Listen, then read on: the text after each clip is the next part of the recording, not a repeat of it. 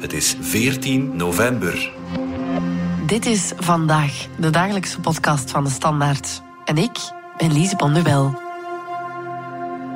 Ik weet niet hoe oud jij bent, maar volgens de laatste cijfers is de gemiddelde leeftijd van onze luisteraar 37 jaar. Dus uh, laat ons zeggen, we gaan 30 jaar terug de tijd in. Dat was je zeven jaar. Herinner je je nog dit soort tafereel? Allee, lieve schat, ga jij tandjes poetsen? Ja. Tanden poetsen? Pyjama aan. Oh, En dan deze. een verhaaltje. Wil je die? Nu, hoe lang is het geleden dat er nog aan jou werd voorgelezen? Bij mij belachelijk lang geleden. En dat is zonde. Want blijkbaar heeft voorgelezen worden alleen maar voordelen. Dat is een beetje zielenvoedsel of zo. Collega Fien Dille sprak met psychologe Jook de Klerk en ook met deze mensen. Ik denk voordat we gingen slapen dat jij gewoon vroeg van zal ik eens iets voorlezen? Twee koppels die af en toe voor elkaar voorlezen. Voor mij gewoon zo terug echt een klein kindje dat zo in bed ligt en dat gewoon zo moet luisteren. En ik doe meestal ook mijn ogen zo toe. Welkom bij Vandaag.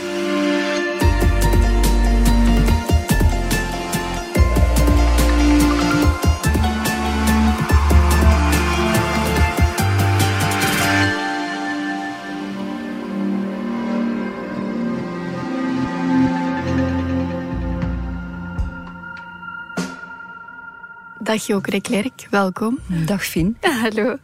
Jij bent psychologe verbonden aan de Universiteit Gent. Dat klopt. Je hebt zelf twee dochters. Ja. Lees je die nog voor? Ik lees die nog voor. Eh, ze zijn 10 en 12. Ja, de jongste tien jaar die geniet daar nog enorm van. Dat is ook zo met vingerken tikken op het boek Mama, het is tijd. En de oudste is nu juist 12 geworden. En de laatste weken verkiest hij eigenlijk om zo een beetje te praten, vragen te stellen over het leven.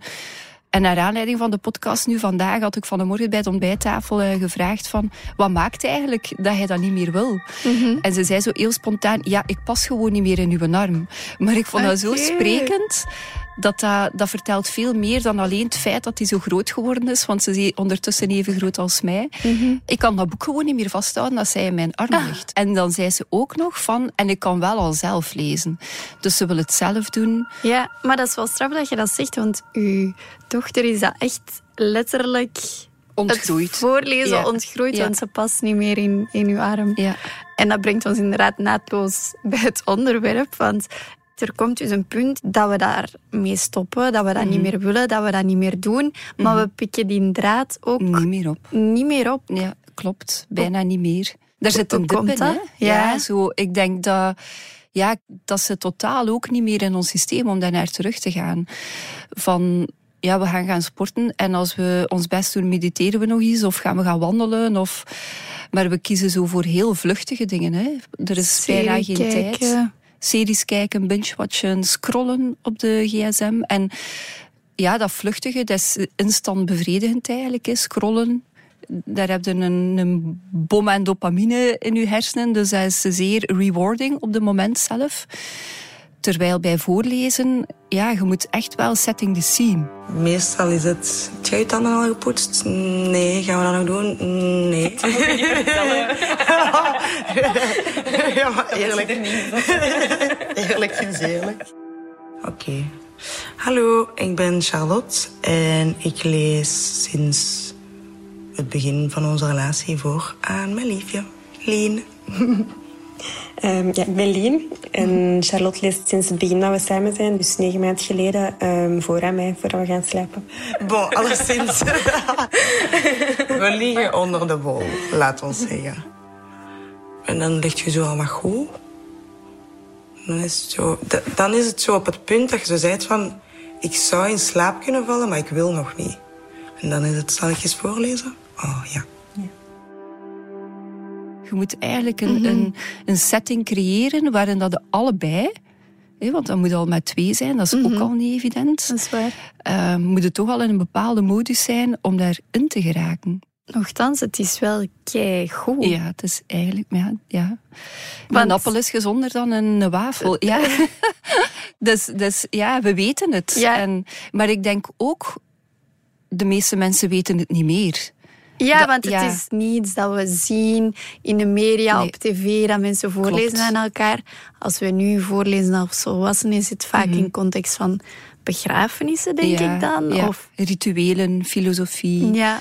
of performen. Gedichten voorlezen on stage. Dus dat is meer een, zo een context waar dat, daar iets ritueel aan is of iets van performance. Niet zo dat verstillende. Ja, verstillen wel in rituelen, maar niet als avondactiviteit. Mhm. En aangezien dat we voorlezen s'avonds voor het slapen gaan voor de kinderen, denk ik aan moest aan de gemiddelde mens vragen, aan volwassenen, wanneer zouden voorlezen, dat is ook het s'avonds.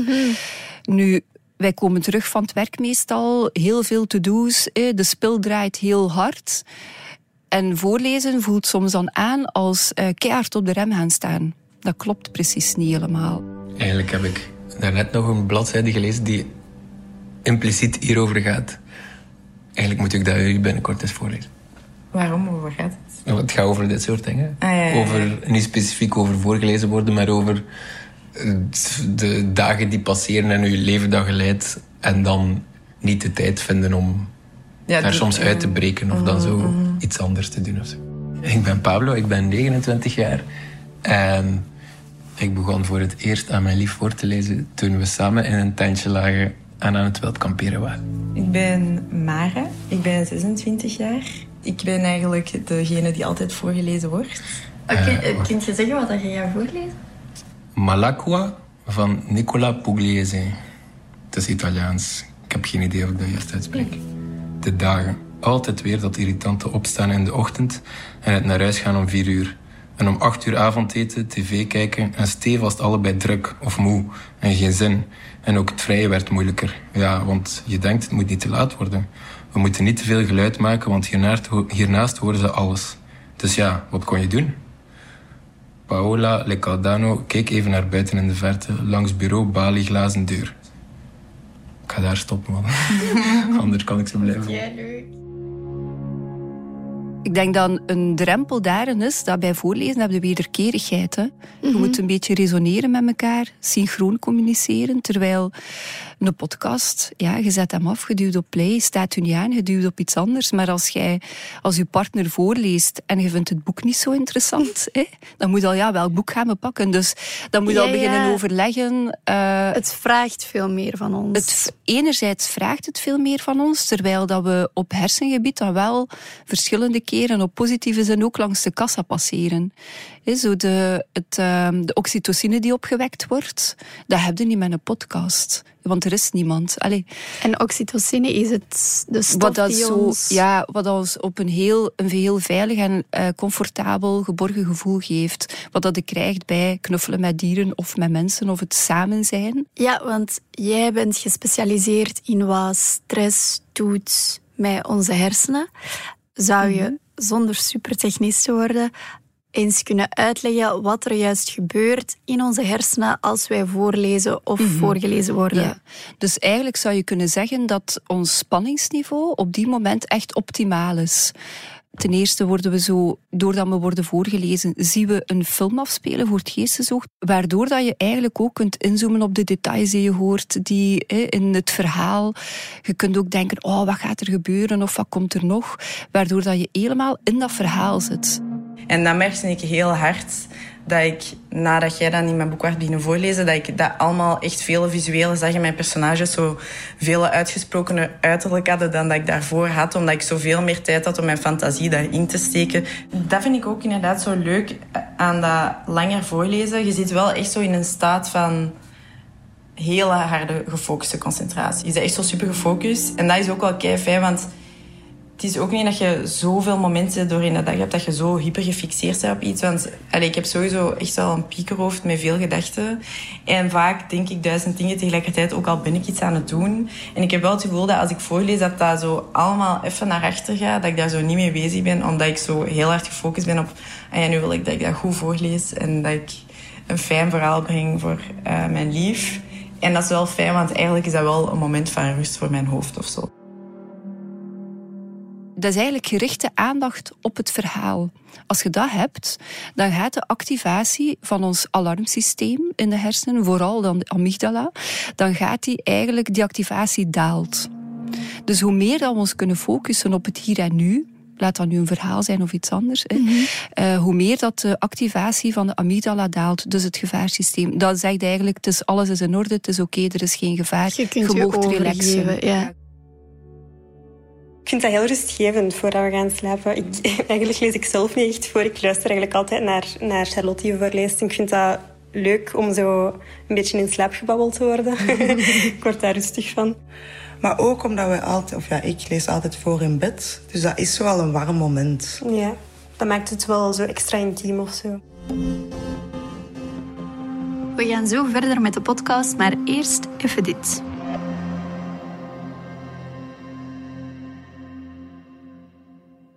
Zeg, schatje, jij bent zo stil vandaag. Wilde jij iets zeggen? Eh, nee, nee. eh, ja. Wel, ik zou eigenlijk graag samen een huis willen bouwen. Ah, ja, ja, Lego-huis, hè. We zijn goed bezig, hè. Ja, dat weet ik, maar ik dacht eerder aan een echt huis. Voor ons? Ja? Oh, wilde je dat echt? Tuurlijk, ik wil niks liever. Sommige gesprekken verdienen een blijvende herinnering. Bouw samen een Lego-set en leg die eerste steen.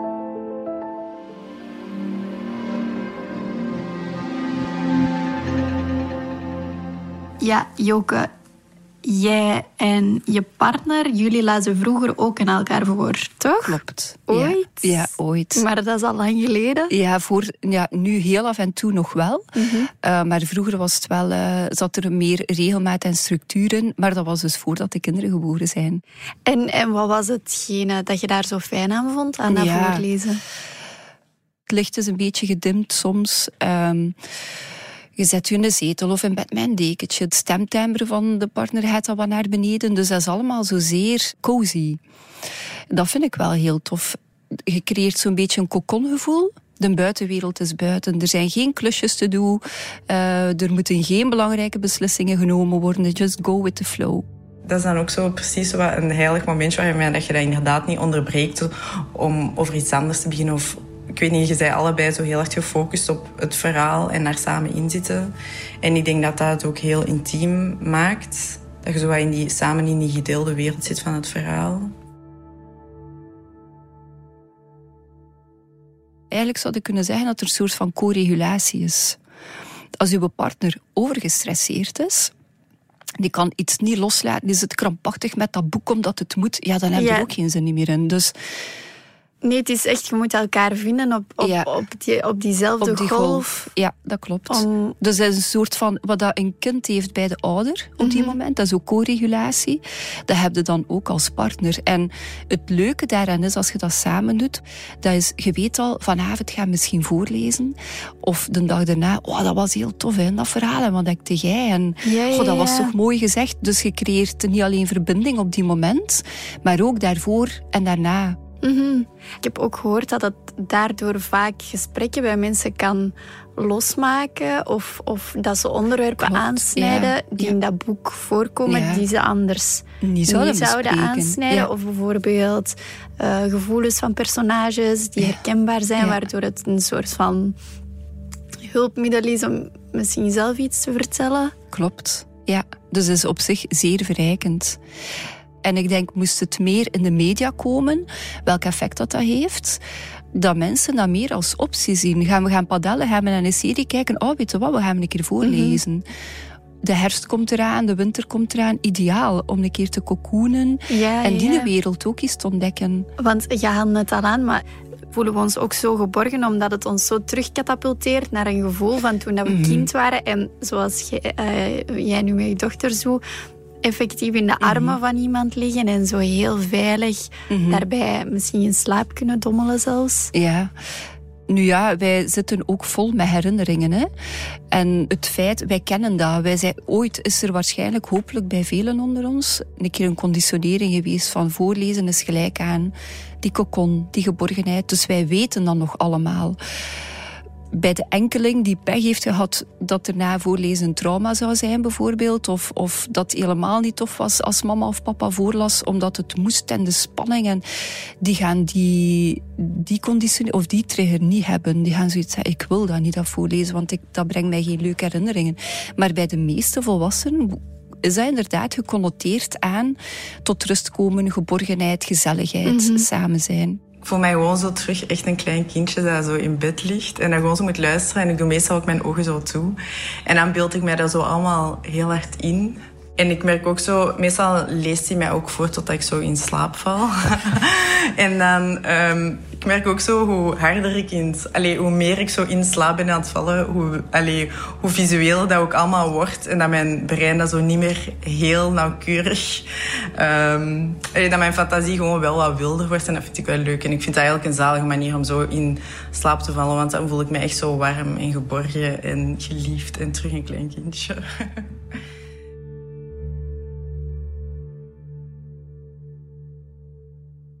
Voor iemand die nu naar deze podcast luistert Mhm. en denkt van zo, amai, ik wil dat ook. ik wil ook voorlezen of voorgelezen worden. Ehm, maar er is niet per se iemand met wie dat die dat kan doen of zo. Mhm. Er zijn ook wel best wel initiatieven of verenigingen nu die ook eh, voorlezen aan volwassenen. Dat zo meer op de voorgrond komt. Hè. Zo, want voorlezen, wij kennen dat van in de kerk. Allee, ik niet, maar vroeger. Hè. Het collectief geheugen kent dat van in de kerk. Of van op een begrafenis, zo bij die rituelen. Er komen denk ik meer en meer zo leesgroepjes eh, ja, tot leven gewekt. En dan kunnen mensen boeken meenemen, eh, gedichten eh, meenemen en wordt er voorgelezen aan elkaar. En daarna ook wordt er dan gediscussieerd allee, of gesproken of ervaringen gedeeld. Dus op zich is dat ook heel tof om... ehm, En echt vanuit het oogpunt van zo, dit is goed Ja. voor ons. Dat is een beetje eh zielenvoedsel of zo. Mensen eh, gaan delen, delen ook ervaringen, eh, gaan iets dieper in op een bepaald thema. Dat gaat over rouw of over liefde of vrijheid. Die gaan daar dieper op in dan in het gewoon alledaags leven. Aan de keukentafel wordt er meestal niet zo diepzinnig met een groep ingegaan op een bepaald thema. Voorlezen in rusthuizen wordt ook bijvoorbeeld gedaan. Dus er zijn meer settings waar dat, dat toch meer in, eh, op de agenda komt te staan. En dat vind ik eigenlijk wel heel tof. Ja. En misschien met deze podcast nog ietsje meer. ja, wie weet. Joke de Klerk, dankjewel. Graag gedaan. Dit was vandaag de dagelijkse podcast van De Standaard. Bedankt voor het luisteren. Volg ons op Spotify, Apple Podcast of eender welk ander podcastplatform. In onze gratis FDS podcast kan je niet alleen ons werk beluisteren, maar ook de beste podcasttips terugvinden. Alle credits van de podcast die je net hoorde vind je op standaard.be-podcast. Reageren kan via podcast.standaard.be.